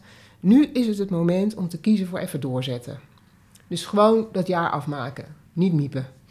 En uh, dat, dat heb ik gedaan. Ook in de hoop dat je dacht, misschien wordt dat nog beter? Of dat je gewoon dacht van, oké, ik maak het... Ja, nou, dat, dat heb, ik, heb ik ook weinig kans gegeven. Dat, dat is ook niet mijn sterke kant, denk ik dan. Want dan mm. heb ik ook, ben ik ook wel geneigd om daar bij weg te lopen. Hoor. Hier dacht ik van, nou, dit, dit wordt hem gewoon niet. Ik pas hier gewoon niet. Ehm, terwijl er ook heel veel goede dingen waren, hoor. En daar zat ook een ontwikkeling, ook in dat onderwijs, ook in het hbo toen. Uh, hoe gaan we meer met uh, coaching uh, werken? Maar het, nou, ik, ik, ik, ik zat daar gewoon niet, niet goed uh, op mijn plek. Had je achteraf gezien dan, als je dat nu terugdenkt, um, gewoon moeten stoppen na drie maanden? Of nou, dat denk ben je ik blij niet. met dat je hem afgemaakt hebt? Ik zal mijn verhaal afmaken en dan, dan, dan, dan is het... Ik ben, er ik ben er wel blij voor dat ik toen heb afgemaakt. En ik heb echt mezelf ook gechallenged op het gebied van doorzetten. Soms denk ik, ook als jobdesigner, is het wel de kunst om ook eens tegen jezelf te zeggen... wacht even, als ik nu eens eventjes um, toch doorga. Om mezelf ook de kans te geven, want het is wel mooi wat je zegt. Soms om de kans te geven om toch te ontdekken wat hierin zit. Hmm. Dat kan best zijn. Ja. Maar goed, in november was mijn, uh, mijn contract uh, afgelopen. En ik had in die tijd, toen ik uh, dacht van nou, dit is het niet, wel de tijd genomen ook om te bedenken, maar wat dan wel? Wat ga ik dan nu wel doen? En toen realiseerde ik me dat het hebben van een eigen praktijk eenzaam is als je niet voor je netwerk zorgt. En ik dacht, volgens mij past het hebben van een eigen praktijk wel bij mij. Laat ik dat wel gaan doen. Daarin heb ik wel de ruimte om te mogen zijn wie ik ben als professional. Um, maar uh, ik moet zorgen dat ik mijn netwerk daarin goed verzorg. Dus dat had ik bedacht, dat ging ik doen. Ik had kaartjes gedrukt. Ik had mijn praktijk Mi Passado genoemd, mijn verhaal. Ik vond biografische werkvormen toen heel erg mooi.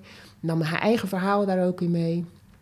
En... Uh, dat, uh, dat had ik allemaal mooi voorbereid. In november uh, afscheid genomen van uh, de hogeschool. En in januari zou ik mijn eigen praktijk beginnen. En in januari kreeg ik de diagnose borstkanker. Dus dat liep, dat liep samen. Ik weet nog dat ik voor het eerst toen ik mijn vriendinnen hier had, die mij kwamen steunen, die bij mij op bezoek kwamen, van joh Inge, wat, wat, wat, wat erg dat je ziek bent, dat ik toen mijn kaartjes heb uitgedeeld. Voor het eerst. Ik zei, dat, ja, dat het zelfs zo was dat de postbode de kaartjes kwam brengen op het moment dat mijn vriendinnen hier waren. Dan zei nou ja, oké, fijn dat jullie er zijn. Dan kan ik tenminste toch mijn kaartjes kwijt. Vond ik leuk. Dat vond ik toch wel weer heel Commercieel mooi. Commercieel gezien was het een goed moment. Ja, precies. um, tegelijkertijd uh, voelde dat als jobdesigner best behoorlijk pittig. Want ja, je begint dan toch... Ik dacht, eindelijk weet ik mijn weg. Ja. En dat viel samen met uh, uh, dat ik... Um, patiënt werd. En, maar het heeft mij wel enorm geholpen dat ik uh, die twee lijnen wel ben blijven volgen. Dus ik ben aan de ene kant was ik patiënt en heb ik mijn behandeltraject doorlopen. En aan de andere kant was ik nog steeds uh, jobdesigner en bezig om mijn werk vorm te geven. En ja, oké, ik heb dus een jaar langer gehad om daarover na te denken. En dat jaar heb ik heel erg gebruikt, want ik had opeens heel veel tijd. En ik kwam opeens heel natuurlijkerwijs met heel veel mensen in aanraking die met mij wilden praten over waar het voor mijn gevoel echt, echt werkelijk ten diepste in het leven ook over ging. Ja. En wat dat betreft heb ik een hele goede tijd gehad. En heb ik dat jaar gebruikt om mijn jobdesign te verdiepen en ehm, mijn ehm eh, coachwens of, of praktijk gewoon nog eens te, door, te doorlopen en te doordenken en te denken van, maar hoe, hoe wil jij dan coach zijn, Inge? En dat was niet makkelijk, want ik weet nog dat ik met papa bij de arts zat en dat die arts aan mij vroeg van, ja, en wat doet u dan voor uw beroep? Ik dacht, ja, shit, wat doet u voor beroep? Ik heb helemaal geen eens een beroep. Ik, eh, hè? Uh, en dat papa tegen mij zei van... hé, hey, maar jij bent toch uh, coach? En dat heeft me enorm geholpen. Ik dacht, ik had nog geen één cliënt. Maar toch in, de, in die rol als coach durven gaan zitten... Uh, heeft me enorm geholpen. En toen dacht ik, whatever, ik ben coach. Dat, dus dat, dat ben ik gaan... Ja, dat is wat ik doe. En dat ben ik toen ook door gaan ontwikkelen. Totdat ik het, aan het eind van mijn behandeltraject... in gesprek kwam met een nazorgverpleegkundige... Jeroen Martijn Pletten... En toen dacht ik, ja, um, misschien wil ik wel iets doen op het gebied rondom kanker. Misschien is daar iets te doen. Maar ik doe het alleen als dat aanvullend is. Want ja, als het is iets wat een heleboel andere mensen al doen, dan moet ik iets anders gaan doen. Dus toen dacht ik, ik ga dat vragen aan hem. Hij komt elke dag in contact met mensen die hiermee te maken hebben. Hij kan een soort overall view hebben. Hmm. Dus ik vroeg aan Jeroen Martijn in dat nazorggesprek... Um, denk je dat hier nog iets te doen is?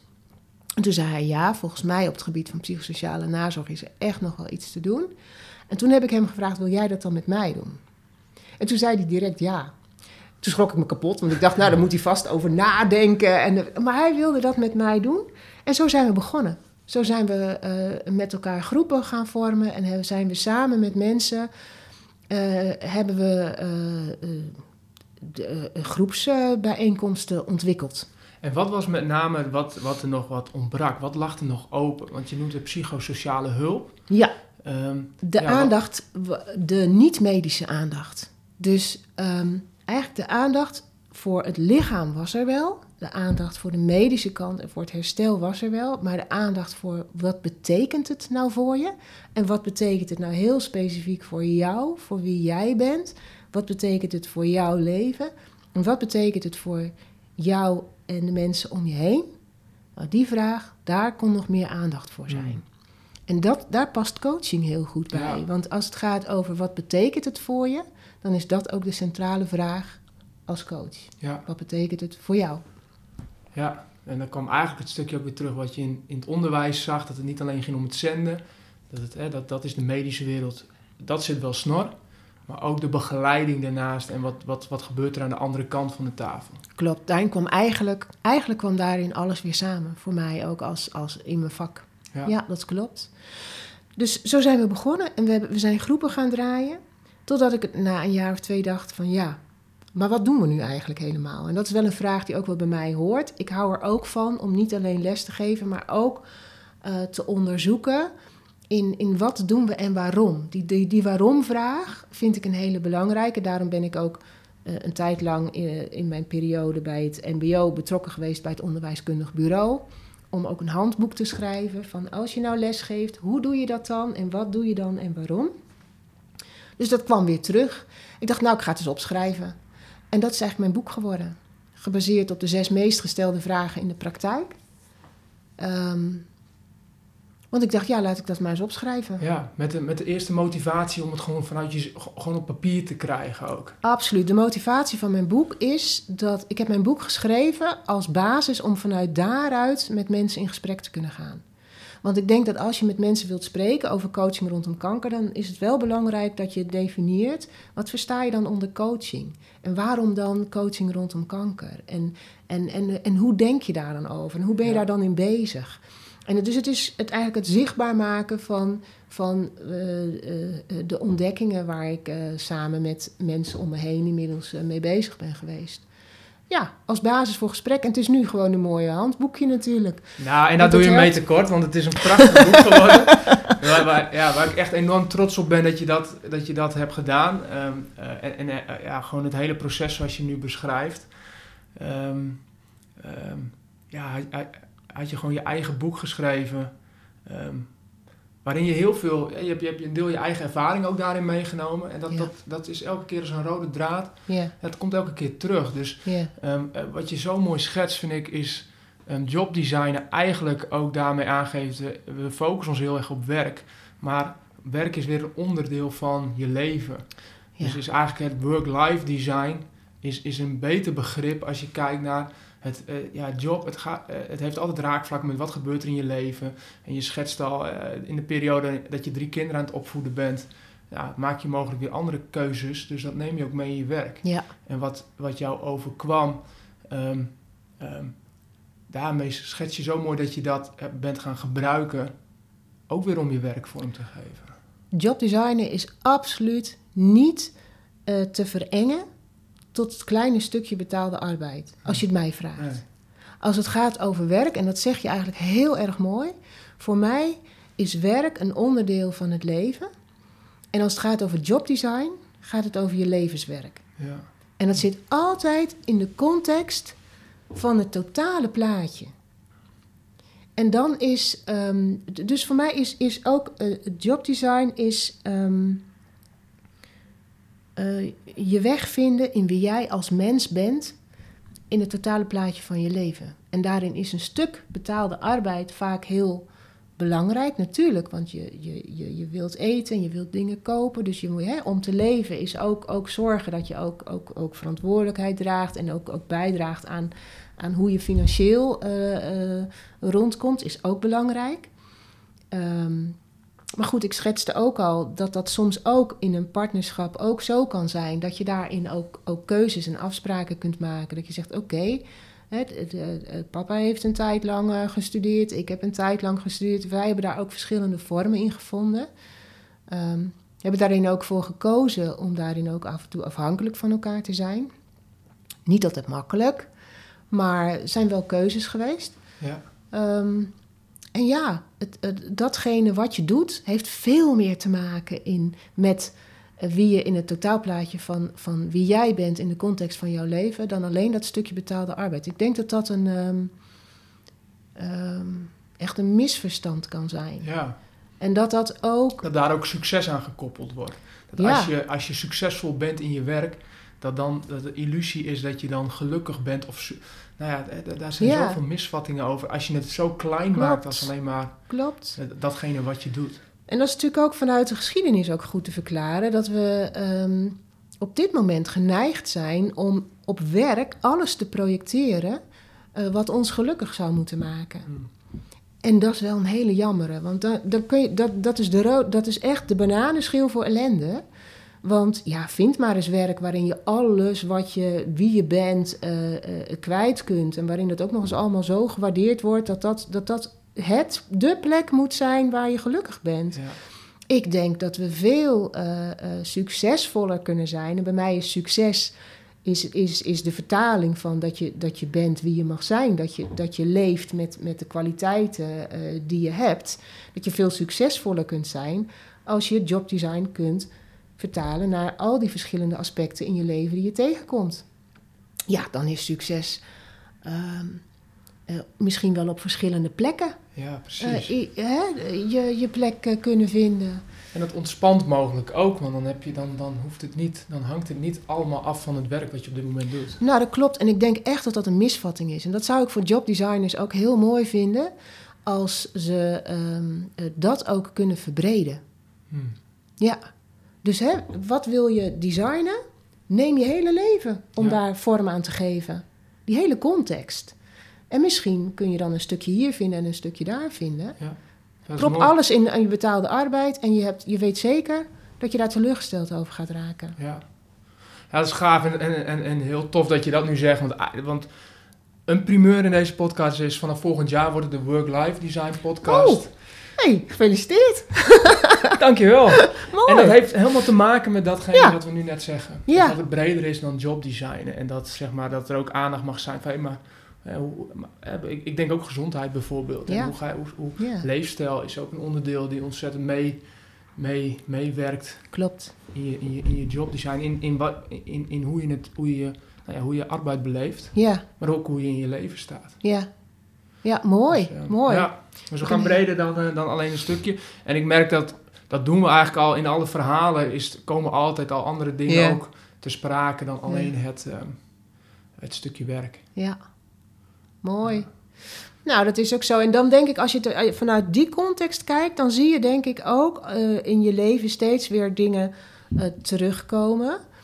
Ehm, omdat je als mens, wat je ook doet, ook altijd jezelf meeneemt. Dus je ziet jezelf, hè, als je dan terugkijkt, dan denk ik ook, hè, als jij ook kijkt naar alles wat je doet, hoe je nu ook zo mooi samenbrengt, zoveel ervaringen die jij in je leven hebt opgedaan, die je nu in datgene wat je doet eh, weer meeneemt. kan, ja, ja, dat is prachtig. Ja, En zo zag ik ook dat ik naar aanleiding van mijn boek... op een gegeven moment dacht, ja, een boek. Een boek is een boek. Eh, ja, maar dat is eigenlijk jammer. En ik, vind, ik geniet veel meer van om met mensen eh, samen te kunnen leren en ontwikkelen. Dus zo is eh, op basis van het boek, van die zes meest gestelde vragen... zijn zes modules ontstaan. En van daaruit is de academie ontstaan. En hebben we ervoor gekozen om die post-HBO te accrediteren, zodat we ook dan weer gesprekspartner kunnen zijn, ook samen met andere mensen binnen het HBO en het post-HBO het ook door kunnen ontwikkelen. ja wat Dus- tof. Ja. Ja. dat is zo mooi, want dat heb je inderdaad gewoon... Nou, heb ik aan de zijlijn kunnen meemaken hoe je dat steeds meer handen en voeten gaf. En inderdaad ook dat het niet alleen bij een boek bleef, maar dat dat vervolgens eigenlijk weer een opstapje was naar een eh, academie. Ja, en dat zijn eigenlijk dus gewoon natuurlijke opstapjes Ja, geweest. precies. Dat komt weer terug op wat we aan het begin van het gesprek ook zeiden. Van elke Ja. keer dat, het is, dat kleine stapje. En als je zoekt en je, je vindt, oh ja, dit is een goed stapje. Dan maak je die en dan, komt, dan nou, kan vanuit daar weer een volgende stap zichtbaar worden. Ja, Of niet. En je, en je, en je gaat weer de andere kant op. Maar het, het, het helpt wel.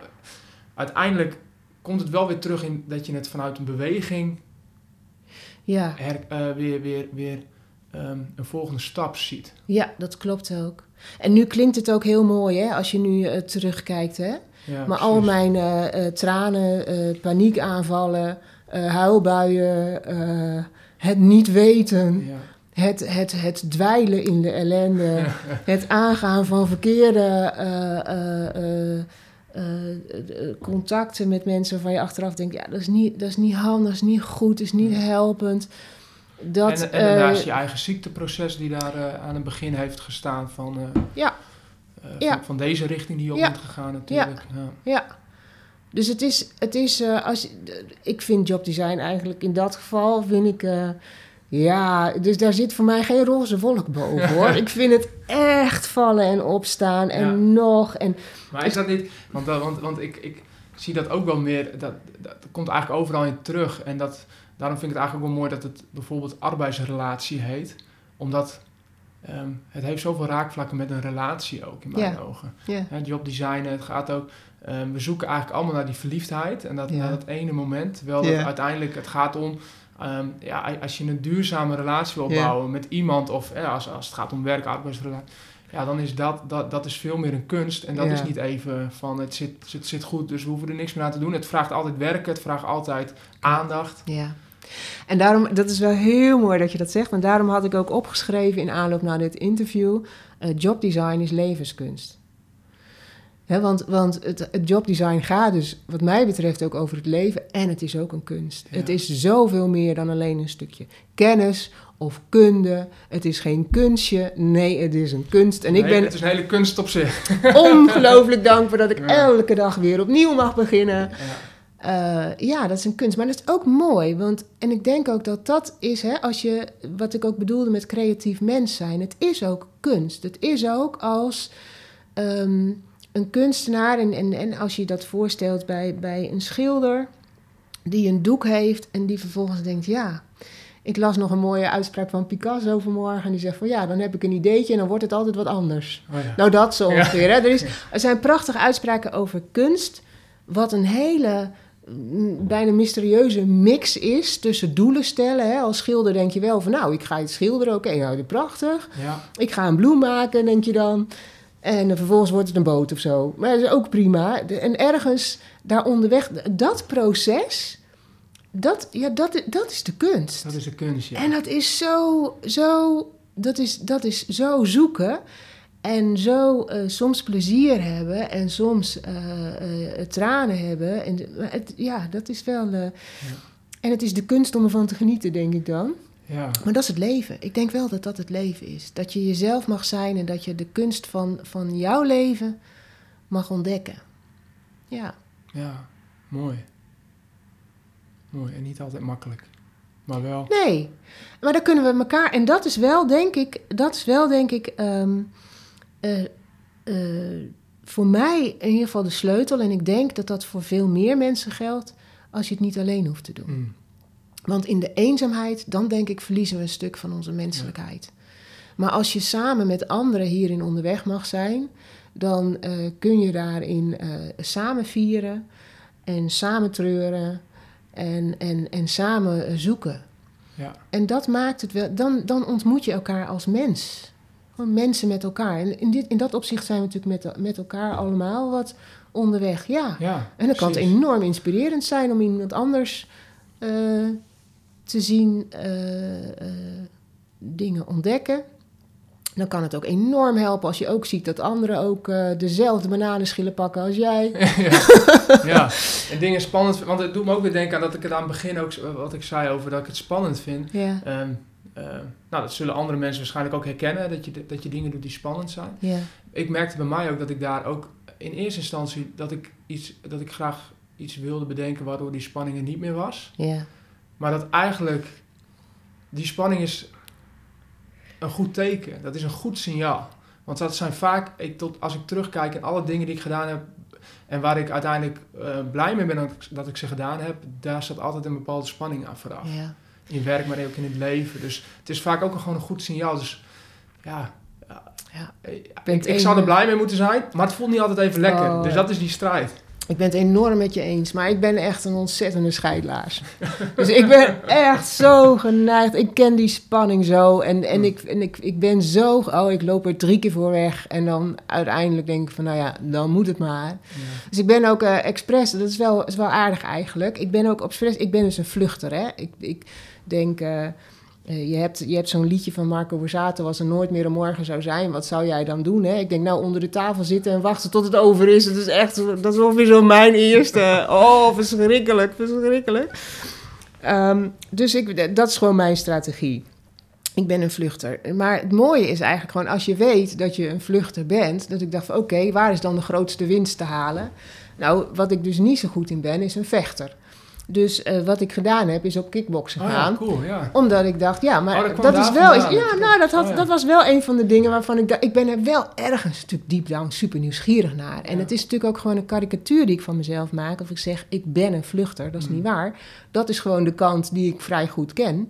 Maar ik, dat betekent wel dat ik ook een andere kant kan ontwikkelen. Hè? Aanhakend bij wat jij zei van ja, kan iemand. Nou, ik denk dat ik nooit iemand zou worden die vechten helemaal voorop heeft, eh, heeft staan. Maar ik heb wel ontdekt, bijvoorbeeld door het kickboksen, dat vechten ook hartstikke leuk kan zijn. Ja, cool. En dat ik het ook wel ergens best wel in me heb. En dat het helemaal niet klopt dat ik alleen maar een vluchter ben. En dat ook die kant van, van omgaan met dingen in je leven die je tegenkomt. Ik heb daar enorm veel in geleerd. Ja, Dus tof. het is, eh, ja, dat is dat mooi. zorgt dan weer dat je een ander verhaal naar jezelf Ja. vertelt ook. Ik kan een ander beeld van mezelf maken, want ik Ja. kan het gewoon bijstellen. Ja. En ik kan het kleurrijker maken, diverser maken. Ik heb voor mezelf meer mogelijkheden ontdekt, waarmee ik er ook vertrouwder mee ben. Ja. En ehm, nou ja, dus nu zo enthousiast de ring instappen en dan, dat, dat, dat weet ik niet. Maar ik heb er wel ook de lol van ondervonden. Ja. Dat ik dacht, oh, maar dit kan ook heel fantastisch zijn.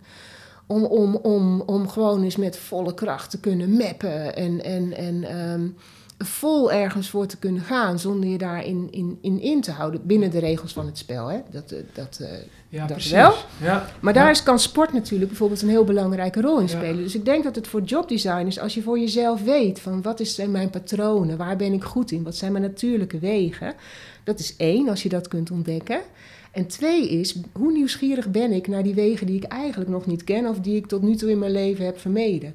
Nou echt, ik zou je ook willen uitdagen om daar eens iets in te gaan doen. En soms vormen te vinden dus die niet zozeer eh, altijd in eh, cursussen zit of in praten zit of zo. Maar die zit dus misschien soms veel meer op het gebied van kunst Beweging, of sport, sport. of Ja.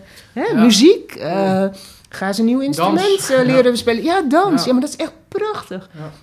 En wat dat je kan brengen, dat helpt je als persoon enorm veel verder. Dus nieuwsgierig zijn naar datgene waar het eigenlijk schuurt... of waarvan je denkt, ja, Ja. dat wordt spannend... dat helpt je ook om eh, met spanningen om te kunnen gaan. En als je kijkt naar wat is een goede coach... dan ehm, eh, heeft Erik de Haan in zijn boeken... en dat vind ik wel prachtig... heeft hij eigenlijk gezegd van... weet je wat een goede coach is? Een, go- een goede coach is iemand die goed met spanningen om kan gaan. Die als het spannend wordt in een gesprek... en in wezen gaat dan dezelfde hendel over... als bij welke andere spanning dan ook... die, daarmee, die daarbij kan blijven. Oh, ja. Die, die, die, het, die het spannend kan blijven vinden. En Ja. toch met zijn aandacht in het gesprek en bij de ander en bij zichzelf kan blijven. Dus dat is ook wat ik oefen.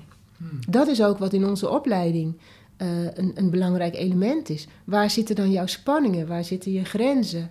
Ehm, mag je er ook nieuwsgierig naar zijn? Mag je er soms eens, eens, eens, eens mee stoeien, eh, verleggen, iets heel totaal anders doen? Ja. Omdat je daarin jezelf ook weer op een andere manier kunt leren kennen.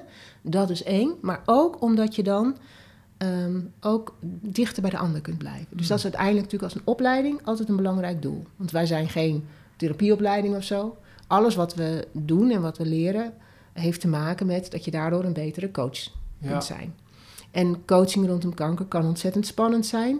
Kan heel vaak liggen op het vlak van, van eh, eh, hè, met, kan met leven en dood te maken hebben, met intens verdriet te maken hebben, met moeilijkheden te maken hebben, ook met intense blijdschap. Hè. Intensiteit is misschien wel het mooiste woord wat erbij hoort, hè, Mm. waar het leven heel intens kan worden. En zo intens met het leven te maken hebben, vraagt ook van jou als coach om met die intensiteit om te kunnen gaan en om daarbij te kunnen blijven. En daar kan je zelf kan je wel in oefenen. Hmm. Ja, op heel veel verschillende manieren. Dus soms, ik bedenk voor mezelf altijd één ding waarvan ik denk, ja, die vind ik spannend. En dat ga ik dan doen. Zo heb ik ooit eens, eh, ik hou niet van achtbanen, vind ik heel erg eng. En ik weet niet of jij dat nog kan herinneren. Dat we, ik weet niet of jij daar toen bij was, maar dat we in de achtbaan zaten. Nou ja, goed, ik ging eens een keer een rondje mee in de achtbaan. Ik dacht, kom op Ing, soms moet je eens iets doen wat je spannend vindt. Dus Ja, eh, ik ging ja. eh, in de achtbaan zitten.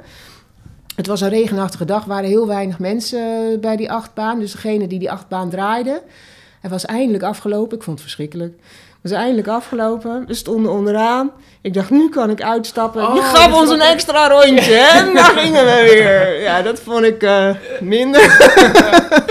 Zo Ja. had ik weer niet de- dezelfde regie erover, over hoe lang het dan spannend mocht zijn. Nee. Maar goed, ook dat heb ik overleefd. Dus, Ja joh, en, Dus, eh, en, en nou ja, goed, weet je. En dan is het een kleine stap tot eh, dit jaar gewoon met mij uit de vliegtuig springen en parachute springen, toch? Daar zeg je zo wat. Maar dat vond ik eigenlijk alleen maar geweldig. Dus dat, maar dat weet je van tevoren niet, hè? Dat, Nee. dat, dat, je, je, soms, soms doe je dingen... Ja, dat is waar. Ja, ja prachtig. Ja, dat is waar. Dat, en dat was, ja, dat was fantastisch. Dat vond was, ik eh, mooi.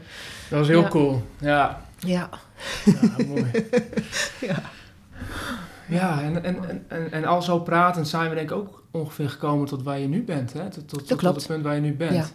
Ja. Ja. Ehm, en zijn we ondertussen ook, want ehm, het idee is om deze met de kerstdagen online te zetten. Dus dan, eh, we zijn al aardig bij het einde van het jaar, maar dan helemaal voel je in zo'n periode van oké, terugkijkt op afgelopen jaar.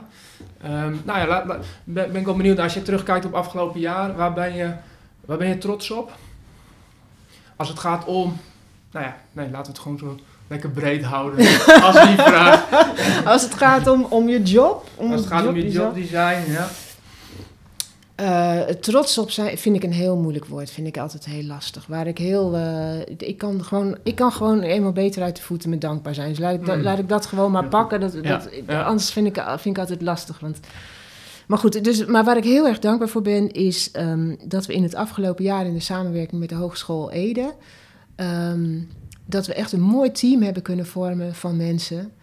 eh, die met dezelfde ehm, eh, betrokkenheid, met dezelfde bevlogenheid ehm, en met dezelfde missie, waar we samen mee onderweg gaan om de opleiding eh, duurzaam door te ontwikkelen. En dat vind ik echt, dat, dat vind ik prachtig. ja, Als je dat op die manier kan doen. ja. Ja, dat vind ik heel, dat vind ik heel mooi. En wat ik, wat ik ook, waar ik me heel erg op verheug, eh, en waar ik ook blij mee ben dat dat, dat eh, zich zo uh, heeft ontwikkeld, is dat ik iemand heb ontmoet. En dat is een jonge jobdesigner, zou je eigenlijk kunnen zeggen. Hè? Een, een, een, een jonge vrouw die, die, die de keuze maakt om, om haar, haar leven en haar werk opnieuw te heroverwegen en, en inhoud te geven. Um, en die, die met, mij, met, mij mee, met mij mee gaat lopen. Uh, als in een vorm van een soort traineeship. Want ik vind mm, jobdesigners vind ik, vind ik gewoon geweldig. Kijk, ik vind het zelf mooi om daarin vorm te geven, maar ik vind het ook echt van waarde. En ik vind ook, ik ben 55 nu, ik vind ook dat het mijn opdracht is vanuit deze leeftijdsfase voor mij om ruimte te maken voor jobdesigners. Dus om opnieuw weer zo'n speeltuin, hè, bij wijze van spreken, een speelveld te kunnen creëren voor mensen die daarmee bezig zijn. En ik verheug me er enorm op uh, dat ze me allemaal vragen gaat stellen die ik uh, heel ingewikkeld en moeilijk vind. en, uh, weet je, en, en, en ze, ze alleen al door haar aanwezigheid en door haar aandachtig luisteren, en dat, dat vind ik ook prachtig, um, dwingt ze mij om, om heel bewust ehm, bezig te zijn met, met wat ik aan het doen ben. En om dat uit te leggen en te vertellen. En soms denk je, ja, dit klinkt als een aardig verhaal, maar ik moet hier gelijk mee ophouden, want dit is eigenlijk mm. natuurlijk, hè, is dit het nou eigenlijk wel? Dus, dat is heel. Scherp. Zet me op scherp en ik geloof echt, hè, het, het, wat we gekregen hebben in het leven is tijd. En ik denk dat we met onze tijd heel goed om moeten gaan. Dat het er niet om gaat dat je heel veel tijd hebt, dat dat het allerbelangrijkste is, maar dat je van de tijd die je hebt, dat je daar uh, bewust mee omgaat. Hmm. En dat je daarin mag leven en vieren en werken en, en, en doen wat bij je past. Ja. ja. Mooi. En als we het hebben over tijd, dan kijk ik ook op de klok en dan zie ik dat we een heerlijk gesprek van anderhalf uur hebben gevoerd samen. En uh, um, dat ik dat heel erg ervaar als hele waardevolle tijd.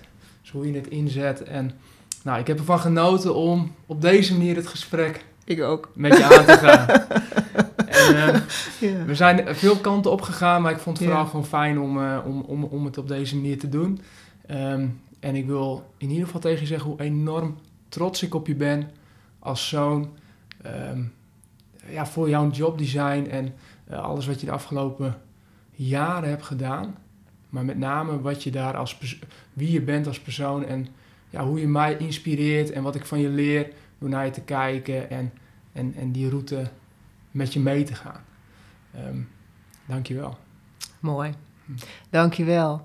En het, de dank is ook wederzijds, hè? want inmiddels zijn wij, uh, uh, wat, wat, wat werk betreft, natuurlijk collega's en leren we uh, met en van elkaar. En dat vind ik echt geweldig. Want ik mm. kijk met heel veel plezier naar jou. Mm. En als ik nog een laatste opmerking mag maken, want ik dacht in de, in de voorbereiding van dit gesprek, dacht ik, ja wacht, er is toch ook nog iets wat ik toch wel zendend wil zeggen. Vind ik fijn. Mijn, mijn, einde bij de podcast is ook altijd dat ik zeg, het, het, draait niet om mij, maar het draait om mijn gasten. Dus het, mijn het laatste woord is ook aan mijn gasten. Dus, dus um, ja... Uh, rondaf en, en, en sluiten voor ons af met wat jij nog wil, uh, wil delen. Mooi, mooi, oké. Um, waar we het niet over gehad hebben, maar wat nog wel eens heel interessant is om nog eens te onder, onderzoeken, is dat kerst, hè, dat is, dat is het, uh, het feest, het, het, christelijke feest wat ooit is ontstaan vanuit de geboorte van, van, van, van Jezus. Hè, dat is wat daar dan gevierd wordt. En het is ongelooflijk boeiend om, om eens te onderzoeken wat hij als jobdesigner heeft gedaan. Want hij had uh, daarin nogal een job voor zichzelf bedacht. Hè, de, de, de, daar kan je nog van alles nog wat uh, over, over vertellen en zeggen. Dat vind ik ongelooflijk boeiend. Vind ik een inspirator ook als jobdesigner ook voor mij. Dus dat, is, dat vind ik eigenlijk wel mooi. Um, maar dat is een ander verhaal. Daar moeten we een andere keer nog maar eens een keer over doorkletsen. Maar wat ik nog graag als, als afsluiting zou, zou willen zeggen is, um, ik zou eigenlijk alle moeders van de jobdesigners, zou ik graag nog even uh, uh, een hart onder de riem willen steken. Want uh, jobdesign is één ding. jonge mensen waar jij mee werkt, um, het is um, prachtig, vind ik. Wat jonge mensen nu doen, ik vind het echt prachtig. Zo, zo met, met, met bevlogenheid en enthousiasme uh, proberen hun eigen leven en werk vorm te geven. Ik vind het prachtig werk wat jij doet door ze daarbij te ondersteunen, want het is niet makkelijk. Daar hebben we ook een aantal aspecten al hier van boven gehad in het afgelopen gesprek. Als moeder je kind uh, te zien jobdesignen is ook niet makkelijk. Hmm. Je kan dat, dat, dat, is best, dat is best pittig. Een, je kind een, je, een eigen weg te zien vinden. En dat zoekend en worstelend en met meer en minder uh, plezier en, en succes uh, te zien doen. En ik zou alle moeders uh, op het hart willen drukken om um, hun kinderen aan de ene kant de ruimte te geven en los te willen laten. Om vooral ook ze de kans te geven om hun eigen weg te vinden. Dus dat is een stukje loslaten. Uh, dat is iets wat je als cadeau kan geven, denk ik. En tegelijkertijd ze niet zomaar los te laten en daar niks aan te doen, maar ze ook het vertrouwen te geven in dat ze hun eigen weg gaan vinden. En ik denk dat dat iets is wat we als moeders van jobdesigners uh, kunnen bijdragen aan, uh, aan het vinden van, van, van jongeren in hun eigen plek. En tegelijkertijd denk ik, vraagt dat, als je, als je daarvoor kiest, hè, vraagt dat om een stuk betrokkenheid en nieuwsgierigheid van moeders naar van wat ben je dan nu aan het doen? En, en hoe ziet dat eruit? Hè? Ook al snap je er gewoon helemaal geen bal van en denk je, dit gaat gans de verkeerde kant uit. Om dan toch die, die oprechte nieuwsgierigheid te blijven houden van wat ben je aan het doen? Ik denk dat dat, dat, dat heel erg helpt om om het contact, om de relatie te blijven behouden. En dat we als moeders daarin de opdracht hebben om daarin nieuwsgierig te blijven naar kinderen. Um, maar dat dat tegelijkertijd wel heel erg helpt. Als we als moeders elkaar ook mogen helpen om, als het je allemaal wat te veel wordt, om toch ook naar elkaar stoom af te kunnen blazen. Om ook uh, tegen elkaar te kunnen zeggen: Zo, die van mij is uh, nu weer aan het jobdesignen, maar uh, het valt niet mee. Ja, mm. weet je, dus zodat je, uh, wil je vertrouwen kunnen geven, is het ook belangrijk dat je ook je eigen spanningen, die je als moeder daar ook, ook eh, tenminste, die ik ook als moeder daar soms in, in zie en ervaar, hè, om ook om jou je weg te zien vinden. Dat gaat niet altijd uh, even uh, over rozen. Ik gun je je eigen weg, ik gun kinderen hun eigen weg, ik gun kinderen een moeder die vertrouwen kan geven en nieuwsgierig kan blijven en die er is op de momenten dat dat nodig is. En ik gun moeders elkaar om ook uh, uh, die klus en die spanningen die dat ook op kan leveren, om dat niet op hun kinderen uh, los te laten, maar dat wel met elkaar te kunnen delen. En dan denk ik dat we dan, ja, dat we elkaar dan op die manier kunnen helpen. En ik vind het prachtig om te zien hoe jij um, en dan zeg ik ook iets over de route die je hebt gelopen. dat, dat deel je ook wel eens. is echt niet altijd gemakkelijk gaan, maar om te zien waar jij nu zit en wat je nu doet en hoe prachtig dat bij je past. Dat vind ik echt heel mooi. En ik vind het moeilijk te zijn om trots te zijn op mijn werk, maar ik vind het niet moeilijk om trots te zijn op jou. Hmm. Dankjewel voor je interview.